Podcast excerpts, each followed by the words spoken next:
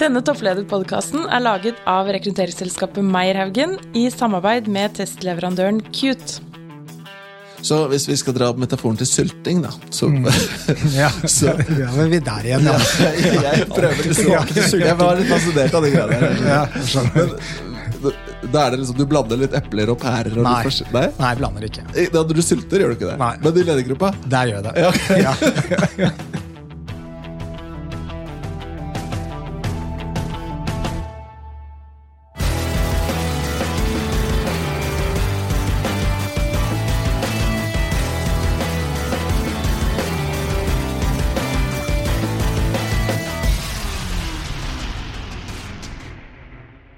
Henrik, i dag så har vi med oss en eh, veldig spennende gjest her i studio. Det har vi, og jeg har gledet meg veldig veldig mye til i dag. Hvem, hvem er det vi har med oss i dag, Henrik? Vi har med selveste Håkon Haugli, som leder Innovasjon Norge. Hjertelig velkommen, Håkon. Tusen takk. Veldig hyggelig å være her. Du, Så hyggelig at du hadde tok deg tiden til å komme innom hos oss. Vi gleder oss til å høre mer om eh, hvordan du tenker om ledelse og, og om Innovasjon Norge. Ja, jeg er veldig smigret over å få lov til å komme i topplederpodkasten. Ja, Veldig, veldig bra. Eh, og så er det jo sånn at når vi, når vi går inn i disse samtalene, her, så vil vi jo gjerne liksom bli litt kjent med hvem er du Ja. Eh, Så vi, vi pleier å begynne med et spørsmål som handler om eh, hva du gjør når du ikke jobber. Eh, Om, om du nå har tid til det. Så spørsmålet er, hvis jeg hadde møtt deg på fest, Håkon, mm. så kom jeg opp til deg, og så ble jeg stående og prate med deg, hvilken tematikk skulle jeg begynt å snakke om da, for at du virkelig hadde fått vann på mølla? Ja, eh, jeg er redd for at eh, jobb kunne fått meg til å gå, men eh, bærplukking, sylting, heisekraner og litt amerikansk politikk. Det var en Da ganske tror jeg vi hadde hatt en hyggelig kveld. Men la oss, vi må nesten begynne. Bærplukking og sylting.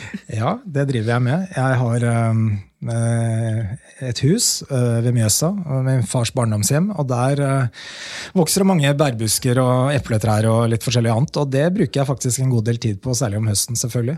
Med å plukke og sylte og lage likør og saft og syltetøy og sånn. Det her tror jeg dette er bare hver første. Det, det var du, jo, det er veldig spennende. Men lager du da sånne etiketter og sånn? Nei, jeg har ikke kommet så langt. Det er et utviklingsområde. Ja. Etiketter. Ja, Det er veldig interessant. Det kjenner jeg, kjenner jeg fikk lyst til å begynne å tegne noen sånne etiketter. Ser jeg. Men det er veldig, blir veldig vel mottatt. Ok, ja, men så bra. Etterpå, mot slutten, Henrik, så skal vi stille han noen spørsmål. De tre kjappe. Det har vi i denne topplederpodden, så er det tre kjappe, Håkon. Og gjesten vår i forrige sending, Siv Gjelgjerde Martinsen i Lindorf, hun eh, sendte et spørsmål videre som vi skal ta med deg. Og så er det to til som kommer, og jeg presenterer det nå. Tenk over det, og du som lytter også kan tenke på det, så her kommer de i rekkefølgen. Hvordan sikre et godt bærekraftsfokus i en kunnskapsbedrift? Det er spørsmålet fra Siv. Og nummer to, karriereråd til aspirerende toppledere. Og nummer tre, work-life balance. Hvordan sikre det. Så det er de tre kjappe. Så tenk på det der hjemme, og du Håkon. Så kommer vi tilbake til det etter hvert. Er det, det skal være mulig å svare på, eller? ja, vi må forsøke. Ja. Ta det, ta det. Ja, nå får du litt tid til å tenke. Det er jo livets eh, store spørsmål, dette. Det er jo det. Det er det, ja. Det og sylting. Eh, Ja, og sylting, nå må vi ikke dra det for langt ut, det er jo en begrenset aktivitet, men eh, viktig. Men det med, ja, nei, jeg gleder meg, jeg skal tenke meg litt om. Altså, jeg, jeg merker For øvrig da, så merker jeg at jeg har egentlig best lyst til å spørre om hva slags type glass. Er det norgesglass og strikk, og hvordan vi gjør det? Men det, det er ikke sylting vi skal snakke om. Masse spørsmål rundt det. Det kan vi komme tilbake til. Vi skal, vi skal snakke om toppledelse. Og Håkon, for å begynne der, da. Hvordan Ja. er det å være toppleder? Altså, Jeg går jo ikke rundt og tenker på meg selv som toppleder, um, så det, det begrepet uh, kjenner jeg meg ikke helt igjen i. Men eh, jeg leder jo en stor organisasjon, jeg forholder meg til mange mennesker, og ikke minst mange eh, rundt oss som har forventninger til eh, det vi leverer. Eh, kunder og oppdragsgivere særlig. Eh, Så hvordan det er, det er, en, eh, det er eh, veldig gøy. Det er veldig lærerikt. Jeg er jo akkurat på det brekkpunktet hvor jeg ikke lenger tenker på at jeg er ny. For jeg begynte for eh, ni måneder siden. Så jeg har sluttet å si at jeg er ny. Så jeg er kommet over i en fase hvor jeg begynner å tro at jeg skjønner hva det er vi holder på med, og hvem folk er, og hva de gjør, og hva vi leverer av verdi. Eh, så perspektivet mitt er veldig Eller blikket er veldig rettet mot hvordan kan vi bli bedre? Hva kan vi gjøre annerledes? Hvordan kan vi levere eh, både innfri og overgå de forventningene som stilles til oss som organisasjon? Um, så, og det tror jeg er sånn kjernen ved det å uh, lede en virksomhet, det er jo at du hele veien må balansere det kortsiktige mot det langsiktige. Og greie begge deler samtidig. Og ja. det er krevende. Fordi man kan lett bli tatt av det kortsiktige. Innboksen, alle de eh, dag-til-dag-samtalene, alle avklaringene som må gjøres, alle telefonene, eh, alle de møtene som må gjennomføres. Og kanskje miste blikket litt på hvor er det vi skal over litt lengre tid. Ja. Så, så, det er kanskje det mest dominerende for meg akkurat nå, er den å, å håndtere den balansen godt. Ja. Um, er det krevende? Uh, ja, det er jo det. Det er også veldig gøy. Da. Jeg synes eh, Ofte når man snakker om ledelse, at det fremstilles som et åk som noen har påført deg. Altså, man velger jo fordi man syns det er gøy, fordi det er oppgaver som, uh, som tiltrekker en, eller i, det, i, mitt tilfelle også et samfunnsoppdrag som jeg mener er superviktig. Da. Norge skal ha noe å leve av etter, etter oss også. Det innebærer at vi må ta noen grep nå, som gjør at vi har et livskraftig næringsliv også om 30 og 50 år. Um, og samtidig så er det store ting som påvirker eh, oss som land og norsk næringsliv. Eh, bærekraft er en av dem, som vi kommer tilbake til i spørsmålet. Stiller nye krav til oss. Og, så vi har liksom mange omstillinger gående på en gang. Og Innovasjon Norge spiller en rolle i det. Og det er det som motiverer meg, er å få lov å jobbe med det. Få lov å ta på meg gummihanskene hver dag og stikke hendene godt ned i den oppvaskkummen og holde på med det. Ja. Som er eh, oppleves som så enormt viktig. Og er det krevende? Ja, det er jo krevende. Det er jo mange ting jeg må ta stilling til og forholde meg til. Noen ting jeg må lære. Eh, jeg må forholde meg til en kompleks eh, virkelighet rundt meg. Og jeg bruker mye tid på jobben. Mm. Bra. Nå er vi jo ordentlig i gang her, da. Stemningen er på topp i studio, og jeg synes jeg liksom, dette har jeg lyst til å høre mer om. Men før vi går inn på ledelsesaspektet, Håkon, så Innovasjon Norge. Mm. Kjent selskap, kjent organisasjon. Kan du kort dra oss igjennom Innovasjon Norge? Ja, Da jeg begynte, så sa alle til meg Innovasjon Norge er en superkomplisert organisasjon med veldig mange oppdragsgivere og veldig mange aktiviteter. Og det er riktig. Eh, men vi har tre mål. Eh, vi skal bidra til flere gode gründere, flere vekstkraftige bedrifter og flere innovative næringsmiljøer i hele landet. Så alt vi gjør, retter seg mot å oppnå de målene. Og det gjør vi på mange uh, Jeg må, bare spørre, du ja. Eh, flere gründere, vekst i bedrifter, og hva var det tredje? Ja, Vekstkraftige bedrifter og ja. innovative næringsmiljøer i hele landet. Altså, dette er da det oppdragsgiverne er enige om at vi har som mål. Mm. Og Det betyr at mye av det vi gjør, da, både vi kan si to eh, ja, hva skal si, muliggjørere eller verktøy. Det ene er kapital gjennom lån, tilskudd og uh, inntil nylig også egenkapitalaktivitet. Uh, fond i fond. Uh, og kompetansetjenester. Det tydeligste ser man kanskje på eksportsiden. Innovasjon Norge er et, en, et resultat av en fusjon eh, mellom daværende SND og eh, Eksportrådet, altså i tillegg noe som het Statens veiledningskontor for oppfinnere, og Norges turistråd. Så vi har i tillegg til bankvirksomheten vår, så har vi kompetansetjenester. Og alle de tjenestene vi tilbyr, skal nå, bidra til at vi når disse tre målene. Ja. Så er det noe med Norge da, som jeg tenker er verdt å reflektere over nå da, når det gjelder de tre. For det første så lykkes vi veldig godt med entreprenørskap i Norge. Det går veldig bra. Eh, sa innovasjonstallene i mai litt tabloid at det fødes nå flere bedrifter enn det fødes barn i Norge hvert år.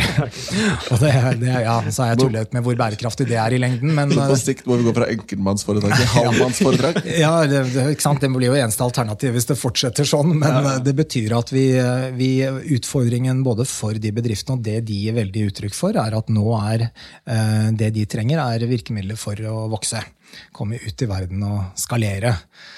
Og så er det noe annet som jeg tenker på det siste målet, med innovative næringsmiljøer i hele landet. Norge skiller seg fra en del andre land ved at vi har absolutt innovative storbyer i Norge, men vi har også veldig fremoverlente områder eh, i hele resten av landet.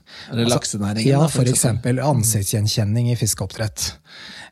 Av fiskeansiktet? Ja, ikke fiskeansiktet, men kroppen, da. Fiskehelsen. Ja, Altså fordi- kunstig kunstig intelligens. Men da må jeg bare dele en historie. Fordi Jeg var og fiska i Nord-Norge i sommer, og så Ja. fikk vi en fisk som ikke jeg ante hva var. Nei. Og da endte jeg måtte Da kunne jeg trengt litt sånn ansiktsgjenkjenning. Ja, nettopp. Dette er jo en gründerbedrift. Kan jo startes på basis av det problemet. Men det endte med at vi googla 'stygg fisk', og da fant vi det. Det var en brosme. Ja, brosme, nettopp. Der ser du. Ja. Nei, jeg tror det brukes for å se på om eh, fisken vokser i riktig tempo, men det er for mye lus og sånn. Men det er i hvert fall et godt eksempel på at i kystnæringene så er det super ja. eh, høy da, eller sterk innovasjonskraft. Et annet eksempel som jeg liker godt, er jo de autonome operasjonene på havets bunn. Ja. Så Vi snakker mye om autonome eller selvkjørende biler, men Norge er faktisk helt verdensledende på autonome operasjoner på havbunnen. Så vi har helt verdensledende teknologi og, og miljøer der. Selvkjørende ubåter. Ja, selvkjørende. Faktisk sånne ladbare slanger nærmest, som eh, driver med operasjoner, og så går de tilbake og lader seg selv, og så fortsetter de jobben der nede helt uten at folk er involvert da, i utgangspunktet. Bare som, Dette er bare to eksempler, da. men det det viser er at vi, eh, vi har eh, over tid så er, eh, har vi den type miljøer i hele, hele landet. Og det er en viktig del av det vi holder på med i Innovasjon Norge, er å bidra til å videreutvikle og opprettholde det. Men det er jo Er det ikke en overvekt av sånne startup-miljøer startup-miljøer som bare liksom bygger på en eller annen eh, støtte da, fra Innovasjon Norge eller noen andre seeding fund, eller noe sånt, og så, og så har de liksom Det blir aldri noen business ut av det. Det blir bare startupen. Typ. Altså Det er både sant at det er, eh, er eh, mange startups som eh, går over ende, eh, og at det er eh, tøft å være gründer. Men det er ikke sånn at det er staten som finansierer den gründeraktiviteten. Det er eh, ganske begrenset og veldig trangt nåløye for å få eh, offentlig støtte. Og som, hvis vi ser på hele vår portefølje av, eh, av virkemidler, så er det sånn at én krone fra, det, fra Innovasjon Norge utløser to private kroner. Ja. Det vil si at um, det, det offentlige gjør da, gjennom oss, det er å bidra til å risikoavlaste. Så vi subsidierer ikke gründere eller andre bedrifter. Vi bidrar til at de kan i en kritisk fase komme seg videre. Og så er det veldig mange som får nei fra oss. Det er viktig å huske på. Vi er ikke inne i, inne i alle startup-aktiviteter på langt derfra. Eh, Men er opptatt av å måle effekt da, på det vi gjør. Så er det sånn at de sju hvis jeg kan si det da, de sju milliardene vi deler ut uh, hvert år, da, de blir da ca. 21 totalt. Eh, og, de, og da måler vi effekt på det. Hva er det det skaper av eh, ringvirkninger? Altså Blir de bedriftene som vi, jobber med, blir de mer lønnsomme? Skaper de flere arbeidsplasser osv.? Og, så og svaret på det er jo heldigvis ja. Sammenlignet med tilsvarende utvalg av bedrifter som ikke er i berøring med virkemiddelapparatet, så gjør de det bedre. Ja. Og da reiser det en diskusjon. Er det korrelasjon, eller er det kausalitet? Er det sånn at det er vi som, eller gjennom det offentlige da, som bidrar til at eh, bedriftene lykkes, eller ville det skjedd uansett? Det er ikke noe, finnes ikke noe fasitsvar på det. Sannsynligvis litt av begge deler.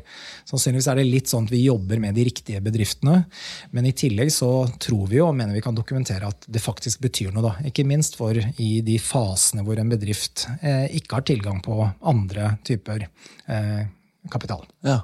Eh, og så vet du, Håkon, nå er det jo snart et år siden du tok over lederordet Innovasjon Norge.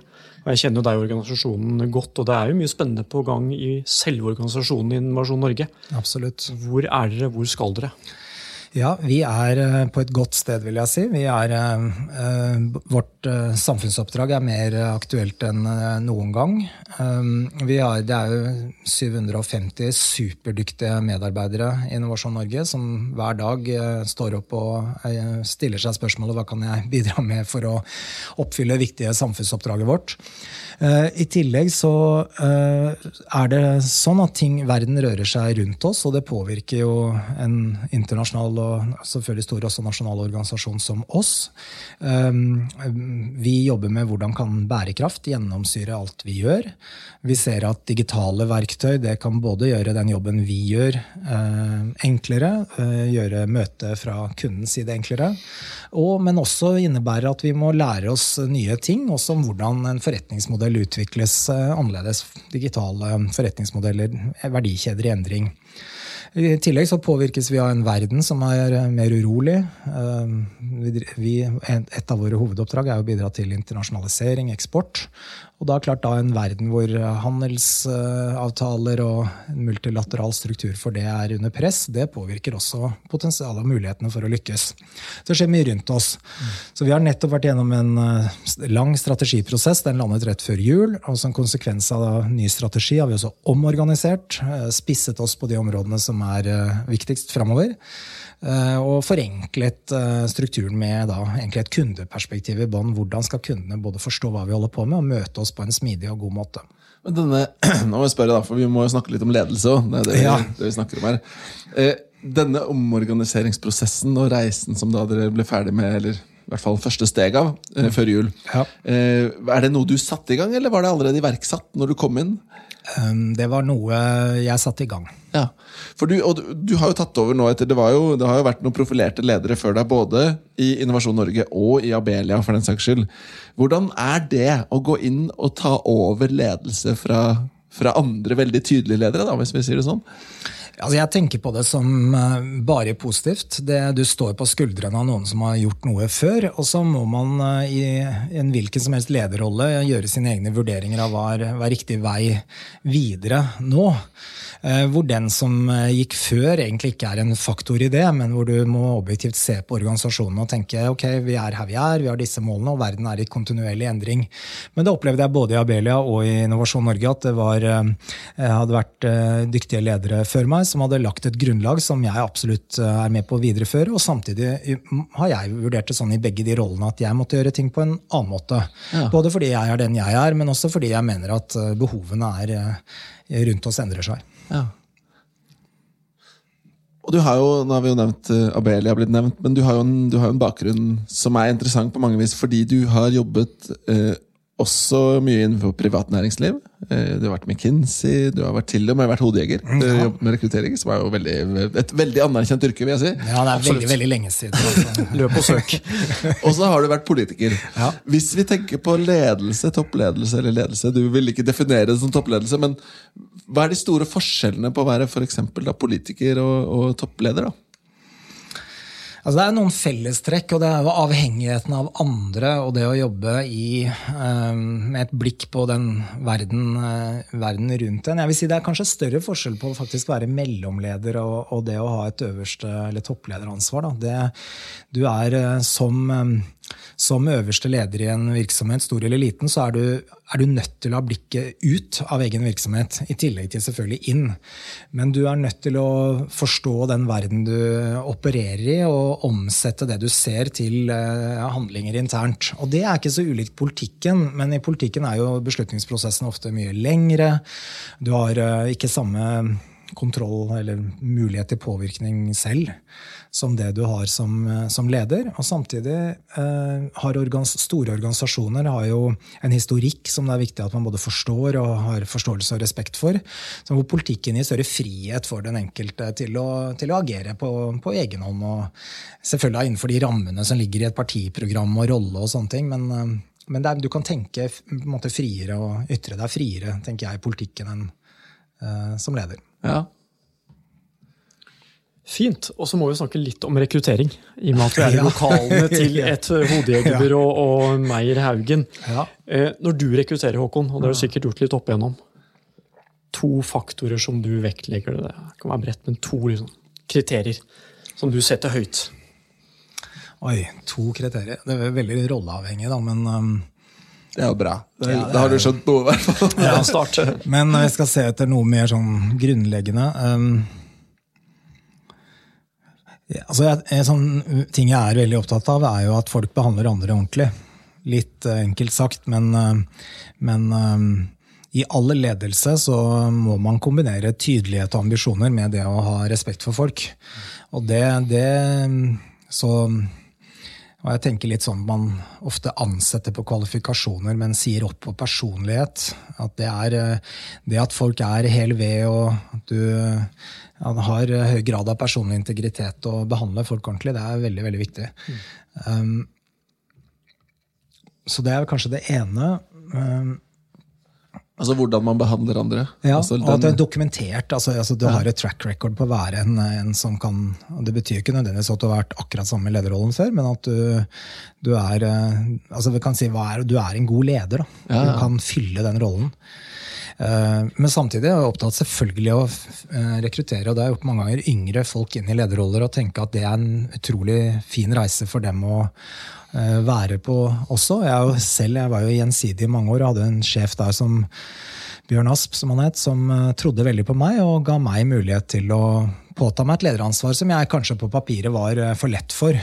Så det å ta den, ta den eh, risikoen da, noen ganger, det er også viktig. Men det er du må se liksom forbi punktet, forbi kvalifikasjoner. Jeg tror det er egentlig det jeg sier. altså Se på mennesket bak. da, Hva er det som er de grunnleggende drivkreftene og verdiene og det, det gode, gode ledelsen, gode mennesket.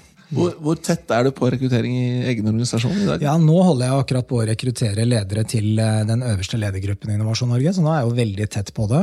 Ellers så praktiserer vi det et slags bestefarsprinsipp, hvor jeg er inne i de når lederne som rapporterer til meg, rekrutterer, så er jeg ofte med i en sånn aller siste runde da, med å hilse på og gjøre en aller siste vurdering.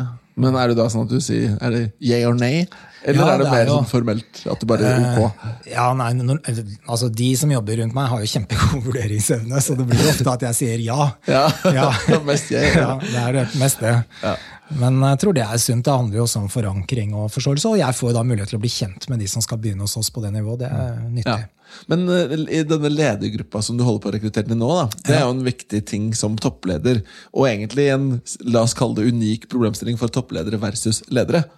Hva er viktig for deg, eller hva ser du etter når du rekrutterer en ledergruppe? for å ha en god ledergruppe?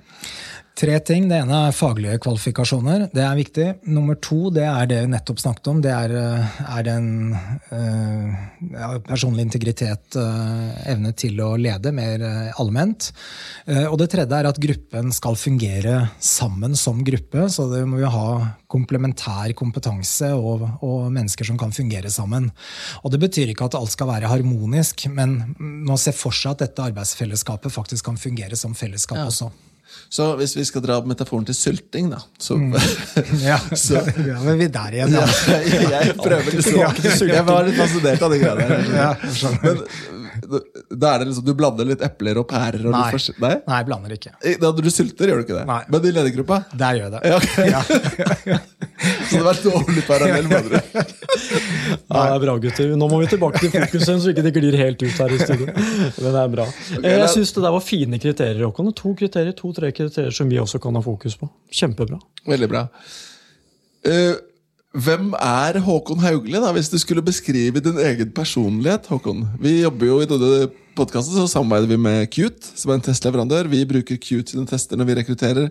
De har en modell som de kaller Shapes Executive. Eh, la oss nå høre først, Hvordan beskriver Håkon Haugli seg selv? personlig? Ja, dette syns jeg er så vanskelig. Nei, altså jeg er uh, nysgjerrig. Um, det er nok kanskje min mest eh, utpregede egenskap, tror jeg. Eh, jeg er eh, glad i folk, men inntil et visst punkt. Jeg scorer ganske høyt på introversjon på sånne tester som sammenligner ekstroversjon og introversjon, så jeg kan også ha veldig behov for å være alene og trekke meg tilbake og, og tenke.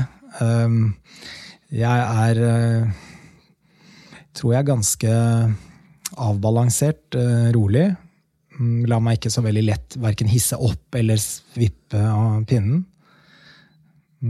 Så ganske stabil? Så er jeg ganske grei. Er du konkurranseorientert? Ja, det er jeg. Ja. Er du resultatfokusert? Veldig. Veldig resultatfokusert.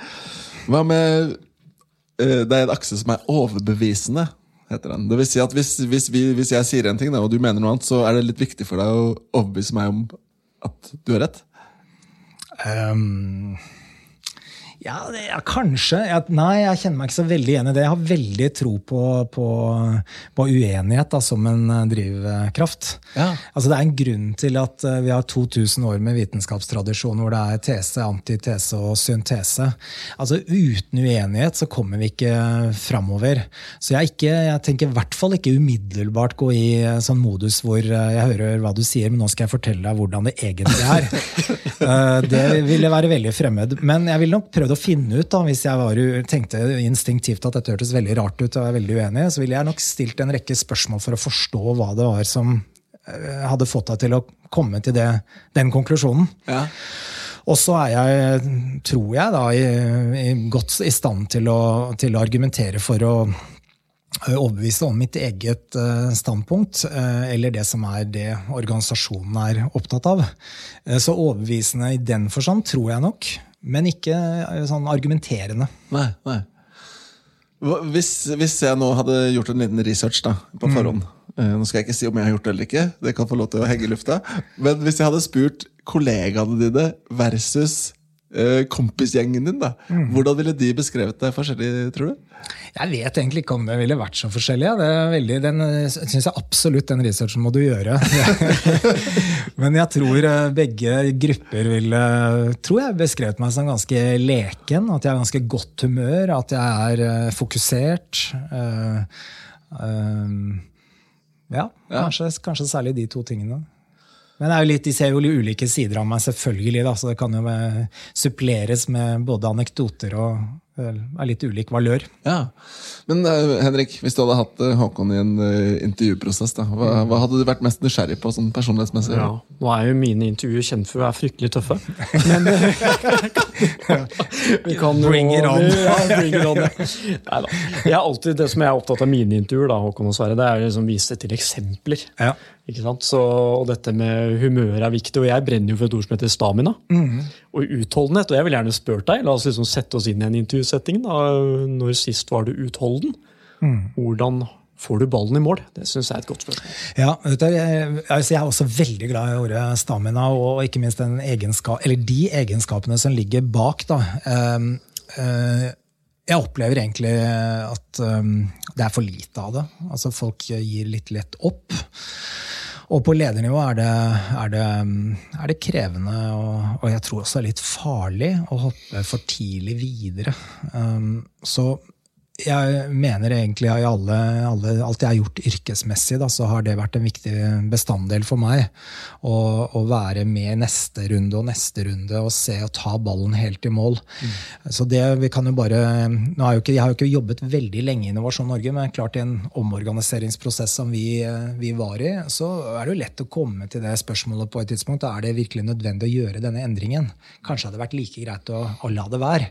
Fordi det skaper også usikkerhet og kan bremse oss på måloppnåelse på kort sikt.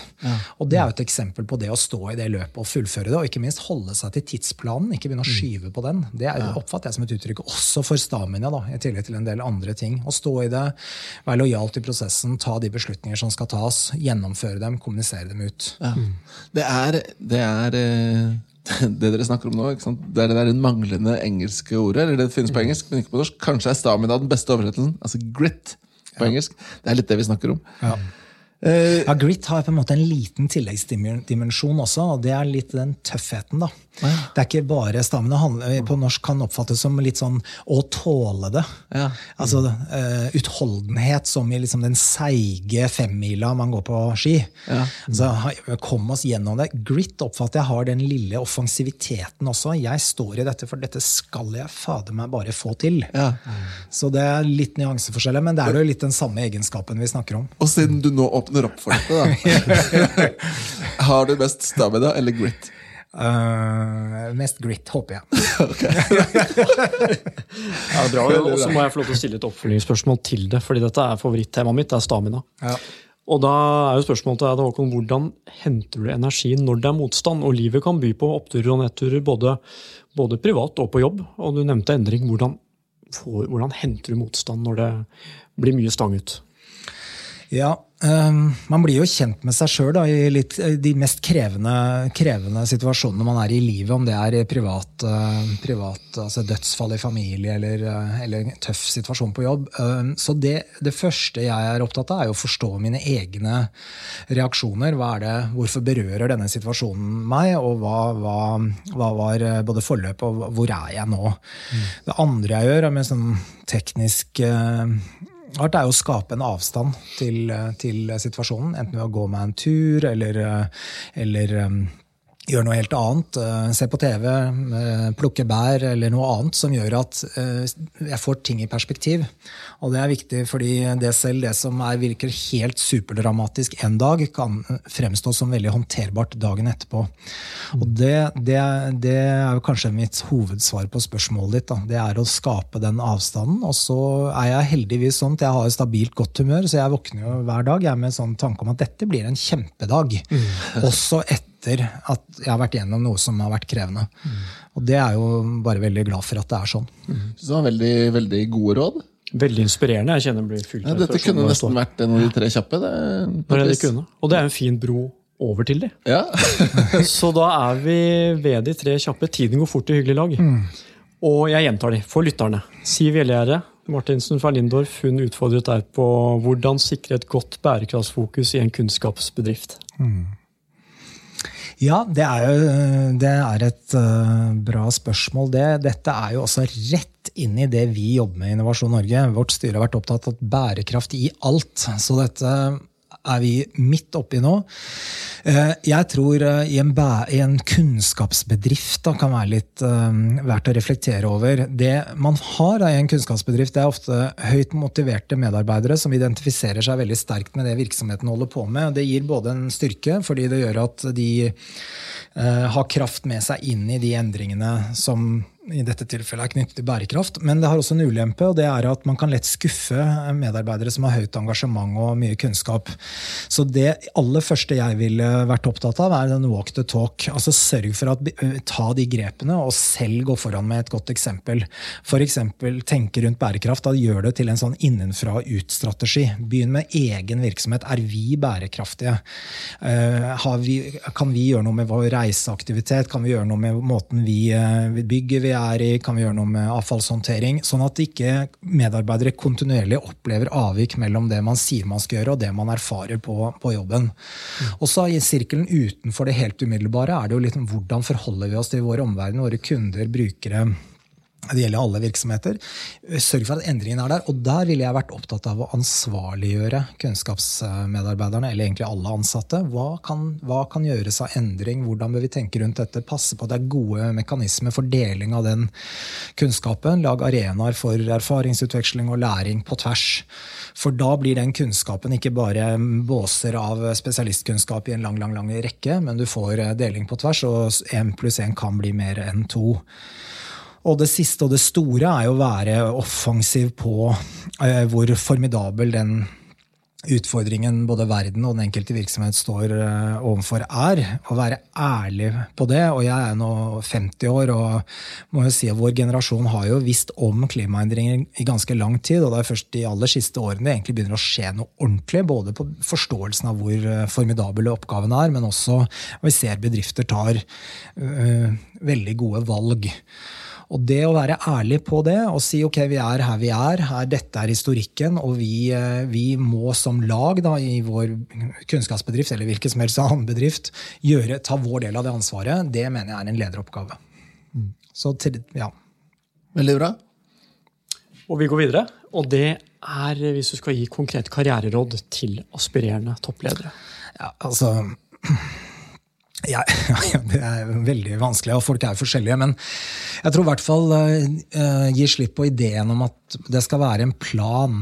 Altså Den planen du legger, jeg tror den eneste garantien du får, er at den kommer ikke det, Livet blir ikke sånn som du har planlagt. Ja. Så søk heller uh, de utfordringene, mulighetene som, som, som er, i, er, mulig å gripe rundt deg. Vær, se ut, vær nysgjerrig, len deg fram når muligheten byr seg. Og så tør å ta bitte lite grann risiko. altså Gå litt utenfor komfortsonen. Du vil erfare at den vil utvide seg veldig fort. Da. Det som er veldig veldig skummelt i begynnelsen av arbeidslivet, det er mye mindre skummelt etter veldig kort tid. Og i det ligger det veldig veldig læring. Så si ja første gang du blir spurt om å bli leder. Det er mitt, ja. i hvert fall et godt råd til alle. Og tør å ta ordet, gå litt lenger enn det du er bekvem med når den, de mulighetene byr seg. God råd. Veldig. Og så, vi har jo vært inne på det, dette med tips for å ivareta work-life balance. Stamina er vi enige om at er, henger høyt. Hva mer? Det, dette er jeg virkelig ikke noen ekspert på. Jeg jobber altfor mye. Jeg elsker jobben min, det har jeg alltid gjort. I ulike jobber. Det er en kjempeviktig del av det jeg bruker tid på. Det gjør at jeg har ikke særlig god work-life balance. Men jeg er opptatt av det jeg sa i stad, å skape avstand, avstand, til det innimellom. Og, og, eller egentlig ofte, men det bør ikke være over lengre tid. Men å ha Ikke ta med PC-en hjem hver kveld. Ikke tenk at du altså Mer er ikke alltid bedre. Uh, tål at innboksen er full. Uh, tål at uh, noen er irritert på deg for at de ikke får det de fem minuttene de trenger. For hvis du ikke greier det, så blir du helt oppslukt av det. Og da, Én ting er work-life balance, men også balansen i selve arbeidet også. Da blir det alt blir kortsiktig, og veldig lite blir langsiktig, og du har, lever ikke et godt liv. Og mm. det her, det eneste måten å lære dette på, er trening. Du må bare rett og slett tåle at du ikke har lest alle e-postene når du går hjem, mm. og så bestemme deg for at du går likevel. Eller, eller tåle tåle at uh, du har x antall SMS-er som, uh, som, eh, noen har sendt deg i en akutt sak, og så sende den tilbake og si at jeg må få komme tilbake til dette neste uke. Så for de, de som sitter der ute og lytter da, og tenker at ja, det der hadde jeg aldri takla, så kanskje egentlig konklusjonen er at toppledelse er ikke for deg? Nei, jeg vet ikke. Det, altså, det fins vel ingen eh, oppskrift på å være, være toppleder eller leder. Altså, alle, jeg tror egentlig alle mennesker har, har, i seg å være ledere. Men, øh, men hvis, hvis, du kjenner skuldrene går høyt opp ved tanken på en e-postboks som er stappfull, så er det to veier. Det ene er å si at ok, men da, jeg kan ikke leve et liv med en e-postboks som er eh, stappfull. Det andre er å si jeg må finne verktøy for å håndtere det.